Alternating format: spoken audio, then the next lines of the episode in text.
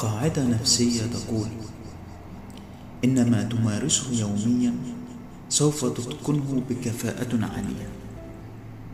فعندما تمارس القلق ستقلق لأتفه الأمور وعندما تمارس الغضب ستغضب بدون سبب. لذلك يجب عليك أن تمارس الطمأنينة لتتقن السكينة ومارس التفاؤل والأمل.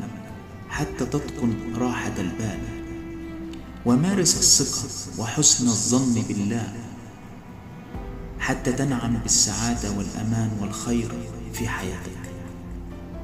عندما أنصحك فلا تأخذ عني صورة إنني إنسان مثالي. لأنني قد أنصحك كي لا تقع في نفس أخطائي. وحتى تكون أفضل مني. لأن النصح محبب. وليس إثبات إنني الأفضل دائما.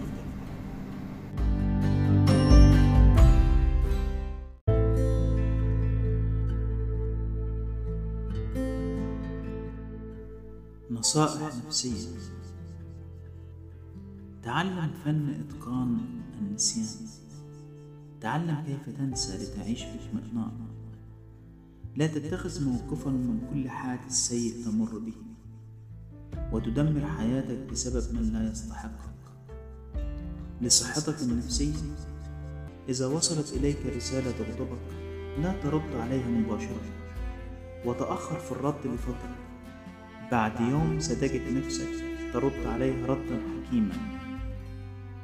أو سترى إنها لا تستحق الرد. والكثير لا يستحق الرد.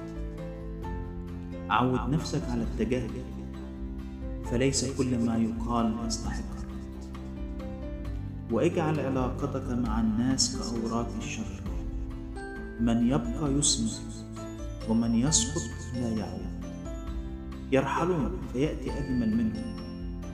فلا تخشى فراق أحد. وتأكد أن خسارة البعض مكسب لصحتك النفسية. ولا تربط سعادتك بشخص أو شيء.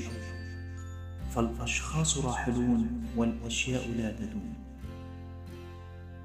السر في أفكارك في طريقة تفكيرك ونظرتك للأمور من حولك. راقب أفكارك فهي السبب الأكبر في توترك وقلقك واكتئابك ومشاكلك النفسية.